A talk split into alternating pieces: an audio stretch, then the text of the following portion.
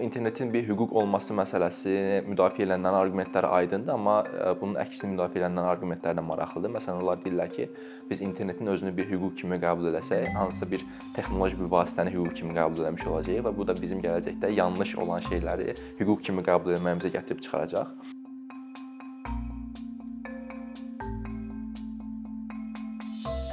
İnternetə çıxışı olan hüquqdan danışmazdan əvvəl ümumiyyətlə internetin definisiyasını versək yaxşı olar. Ümumi qəbul olunmuş yanaşma belədir ki, internet bir-biri ilə qlobal şəkildə bağlanmış kompüterlər şəbəkəsidir və internetə çıxışın bir hüquq olub-olmaması məsələsi akademik belə sferada geniş müzakirə olunan məsələdir. Bir qrup deyir ki, hə internet hüququ özlüyündə var. Bir qrup deyir ki, internet hüququ yoxdur, sadəcə internet ifadə azadlığına və digər hüquqlara çatım üçün bir vasitədir.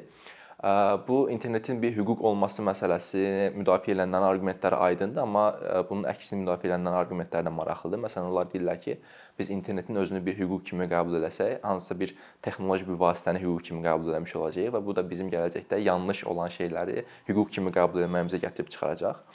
Amma bu akademik sferdə olan müzakirəni bir tərəfə qoysaq, internetə çıxışın özünün hansısa bir hüquqlara təsir etməsi ilə bağlı məsələlər artıq aydınlaşıb. Məsəl üçün Avropa İnsan Hüquqları Məhkəməsi öz prezident hüququnda belə bir mövqe ortaya qoyub ki, internetə çıxış hüququ ifadə azadlığının bir tərkib hissəsidir. Çünki özündə nəhəng belə deyək də nəhəng həcmdə olan informasiyanı saxlamaq və ötürmək qabiliyyətinə malikdir. Ona görə də bu informasiya çıxışı asanlaşdırır. Bu da öz növbəsində ifadə azadlığının bir tərkib hissəsi hesab olunur. Bundan başqa məsələn ifadə azadlığının qorunması ilə bağlı BMT-nin xüsusi məruzatçısının mövqeyi var. İnternetə çıxışın bir ifadə azadlığının tərkib hissəsi olması ilə bağlı və dövlətlər də artıq məsələyə öz münasibətlərini bildirməyə başlayıblar.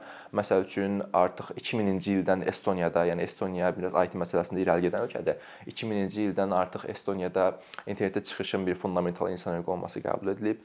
Sonra 2009-cu ildə Fransada, 2010-cu ildə Kosta-Rikada onlar konstitusiya məhkəmələri, Fransada Konstitusiya Şurası, Kosta-Rikada Konstitusiya məhkəməsi deyib ki, faktiki olaraq internetə çıxış bir insan hüquqlarından birini təşkil eləyir. Azərbaycanda sırf interneti tənzimləyən ayrıca bir qanunvericilik aktı yoxdur. Amma ayrı-ayrı qanunlarda internetlə bağlı hansısa bir maddələrə rast gəlmək olur. Məsələn, telekommunikasiya haqqında qanunda, informasiyanı informasiyalaşdırma informasiya mühafizəsi haqqında qanunda bu internetin tənzimlənməsi ilə bağlı müddəalara rast gəlmək olur. Gələk internetə çıxışla bağlı dövlətin hansı öhdəlikləri var? Ümumiyyətlə dövlətin yanaşması necə olmalıdır? Ümumiyyətlə beynəlxalq yanaşma belədir ki, internet özü bir konsepsiya kimi, mərkəzsizləşdirilmiş bir konsepsiya kimi qəbul olunur. Yəni vahid bir orqan yoxdur ki, internetə nəzarət eləsin. Amma Azərbaycanda vəziyyət bir qədər fərqlidir. Azərbaycanda internetin tənzimlənməsi icra hakimiyyəti orqanına belə tapşırılıb Rəqəmsal İnkişaf və Nəqliyyat Nazirliyinə, hansı ki, əvvəllər adı Rabitə və Yüksək Texnologiyalar Nazirliyi idi. Bu da özündə bir sıra problemlər gətirir. Çünki əvvəlcədən dedik, internet özü bir konsepsiya olaraq mərkəzsizləşdirilmiş bir yanaşmadır da belə deyək. Amma Azərbaycanda belədir ki, həm onun idarə olunması, həm internet servis provayderlərinin lisenziyalaşdırmanın verilməsi bir icra hakimiyyəti orqanına tapşırılıb. Bu da bir mənfi trend hesab olunur. Çünki siz əgər bir yanaşma üzərində dövlətin üzərində hakim mövqeyini qurursunuzsa, bu sizin hüquqlarınıza da müdaxilədir. Məsələn, ifadə azadlığınıza müdaxilə təşkil edə bilər, özəl həyatınıza müdaxilə təşkil edə bilər. Bunlara sonrakı, yəni rəqabətlə bağlı məsələlərdə toxunacağam. Amma əsas onu demək lazımdır ki, Azərbaycanda hal-hazırda demək olar ki, internet servis provayderlərinin əksəriyyəti dövlətin belə nəzarətindədir Bu da məsələn anti-intisar haqqında qanunda aydın bir şəkildə göstərilib ki, əgər bazarda hansısa bir oyunçunun payı 35%-dən artıqdırsa, o hökmran mövqeyə malik olan oyunçu hesab olunur. Dövlət də hal-hazırda internet bazarında hökmran mövqeyə malik oyunçudur. Gələk bunun mənfi nəticələrindən nələr ola bilər? İnternet servis provayderləri əgər özəl şəkildə fəaliyyət göstərirlərsə, onlar belə deyək də o tələb təklif iqtisadiyyatda belə bir qanun var ki, öz özünü tənzimləyir və keyfiyyət məsələsinə də təsir eləyir. Məsələn, biri deyir ki, mən bu qiymətə bu qədər təklif edirəm, o biri deyir ki, yox, mən bu qədər qiymətə bu qədər təklif eləyirəm və o da qiymətin azalıb keyfiyyətin artmasına səbəb olur. Amma bu dövlətin monopoliyasına keçirsə internetə nəzarət, onda artıq dövlət öz istədiyi qiyməti qoyur və istədiyi keyfiyyətdən də istifadə eləyir. Bu birbaşa yəni keyfiyyətin azalmasına gətirib çıxara bilən bir səbəbdir. İkinci məsələ özəl həyata müdaxilə ilə bağlı bir məsələ meydana çıxır ki, əgər özəl provayderlər yox, dövlət buna nəzarət edirsə, bu deməkdir ki, dövlətin həmin o internet vasitəsilə ötürülən datalara həmişə birbaşa müdaxilə etmə imkanı var. Ona görə də bu əslində xüsusi qanunvericilik aktlarla tənzimlənməlidir, amma Azərbaycanda geniş şəkildə tənzimlənmir. Düzdür, məsələn, əməliyyat axtarış fəaliyyəti haqqında qanunda müəyyən maddələr var, amma geniş şəkildə tənzimlənmir. Beynəlxalq təcrübəyə baxsaq, məsələn, Amerikada bundan bağlı xüsusi akt qəbul olunub, Böyük Britaniyada xüsusi akt qəbul olunub ki, məsəl üçün əməliyyat axtarış orqanları olsun, istintaq fəaliyyətini həyata keçirən orqanlar olsun, onların o ə, geniş səlahiyyətlərini balanslaşdırmaq üçün qanunvericilik aktları qəbul olunub. Amma Azərbaycanda təəssüf ki, vəziyyət bu cür deyil. Sonrakı məsələyə gələndə dövlətin bu monopoliyası regionlarda da internetin keyfiyyətinin aşağı düşməsinə səbəb ola bilən bir məsələdir. Çünki rəqəmsal bölünmə anlayışı var, digital divide. Bu o deməkdir ki, məsələn, şəhər ərazisində olan internetin belə keyfiyyəti ilə, sürəti ilə və yaxud da internetə çıxışla bölgələrdə olan bir-birindən kəskin şəkildə fərqlənir. Bölgələrdə olan aşağı olur. Və belə deyək, dövlət həmin o bölünməni aradan qaldırmaq üçün müəyyən tədbirlər planı hazırlayıb irəli sürməlidir. Məsəl üçün özəl oyunçuları deməli deyək, bazara buraxmalıdır və yaxud da ki, qiymətlər paketi hazırlamalıdır və yaxud da hansısa bir özəl tədbirlər görməlidir ki, o rəqəmsal bölünməni aradan qaldırsın. Amma Azərbaycanda vəziyyət tam tərsidir. Dedik ki, Azərbaycanda dövlətin nəzarətindədir. Ona görə də bu rəqəmsal bölünməyə birbaşa təsir eləyir.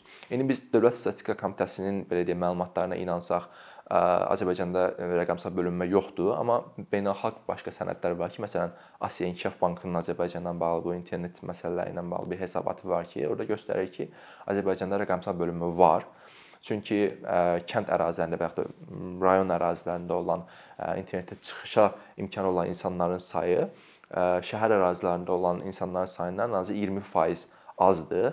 Hə, buna görə də bu dövlətin belə hökmran mövqeyi, monopoliya qurması internet üzərində insanların internetə çıxışına da mənfi təsir göstərir. Düz onun başqa səbəbləri də var rəqəmsal bölünmənin. Birincisi infrastruktur məsələsidir, ikincisi də ki, bu rəqəmsal savadlılıq məsələsidir. Amma hər bir halda bu aydın məsələdir ki, dövlət əgər bu regionlara özəl oyunçular buraxmırsa, bu özü də rəqəmsal bölünməyə təsir edən amillərdən biridir. Başqa bir məsələ budur ki, regionlarda dövlət özəl oyunçuları buraxmamaqla yanaşı, məsəl üçün belə deyək, ictimai bir nöqtələr qurur ki, hansı ki, orada məsəl üçün Wi-Fi pulsuzdur, gedib istifadə edirsiniz. Onu da özəl oyunçular təmin eləmir, dövlət təmin edirsə, bu da yenə həmin özəl həyata müdaxilə məsələsinə gəlib çıxır. Məsəl üçün adam özü pul verib özəl xidmətdən istifadə edə bilmirsə, o deməkdir ki, gedib məsəl üçün ictimai hardasa qoşulur, orada belə internet mübadiləsindən istifadə eləyir. O da məsələn dövlətin nəzarətindədirsə, dövlət asanlıqla gəlib o məsələyə də müdaxilə edə bilər və həmin o internet vasitəsilə ötürülən məlumatları asanlıqla belə deyək, nəzarət edə bilər yəni götürüb əməliyyat axtarış fəaliyyəti olmadan belə, yəni bunu nəzarət etmək üçün hansısa bir belə deyək qurum və yaxud da ki, hansısa bir akt olmadığına görə qanunvericilik aktı dövlətin bu sahədə əl qolu belə deyək çox açıqdır.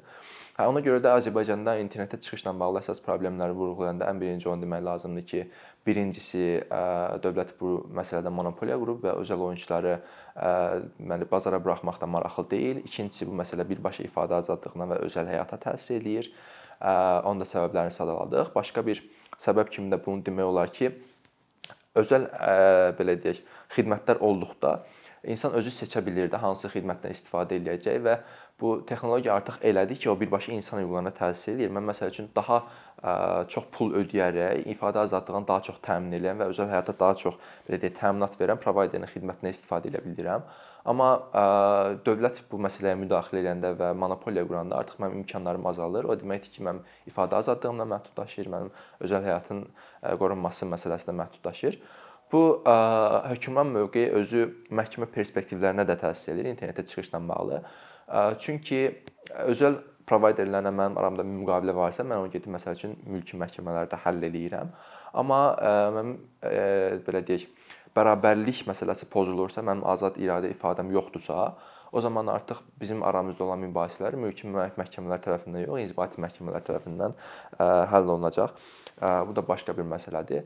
İndi internetə çıxışın tənzimlənməsi, onun məhkəmə mübahisələri ilə bağlı da məsələ bir qədər beynəlxalq yanaşmada fərqlidir. Məsəl üçün Avropa Şurasının dövlətlərə, üzv dövlətlərə belə bir tövsiyəsi var ki, mümkün qədər bu praktikadan qaçsınlar, yəni internetə çıxışın kəsilməsi ilə bağlıdır. Çünki yəni birbaşa dedikdə ifadə azadlığından çıxışı təmin edən bir vasitədir. Amma Azərbaycanda praktika bundan bağlı bir qədər fərqlidir. Məsəl üçün həmin o internet servis provayderlərindən sizin aranızda olan müqaviləyə baxsaz, məsəl üçün mütləq belə bir şərt tapa bilərsiniz ki, məsələn bu aylıq sizə bu xidmət təklif olunacaq və ayın sonunda pulu ödəməsəz belə eləyək, bu kəsiləcək də, yəni sizin internetiniz belə qısaca desək.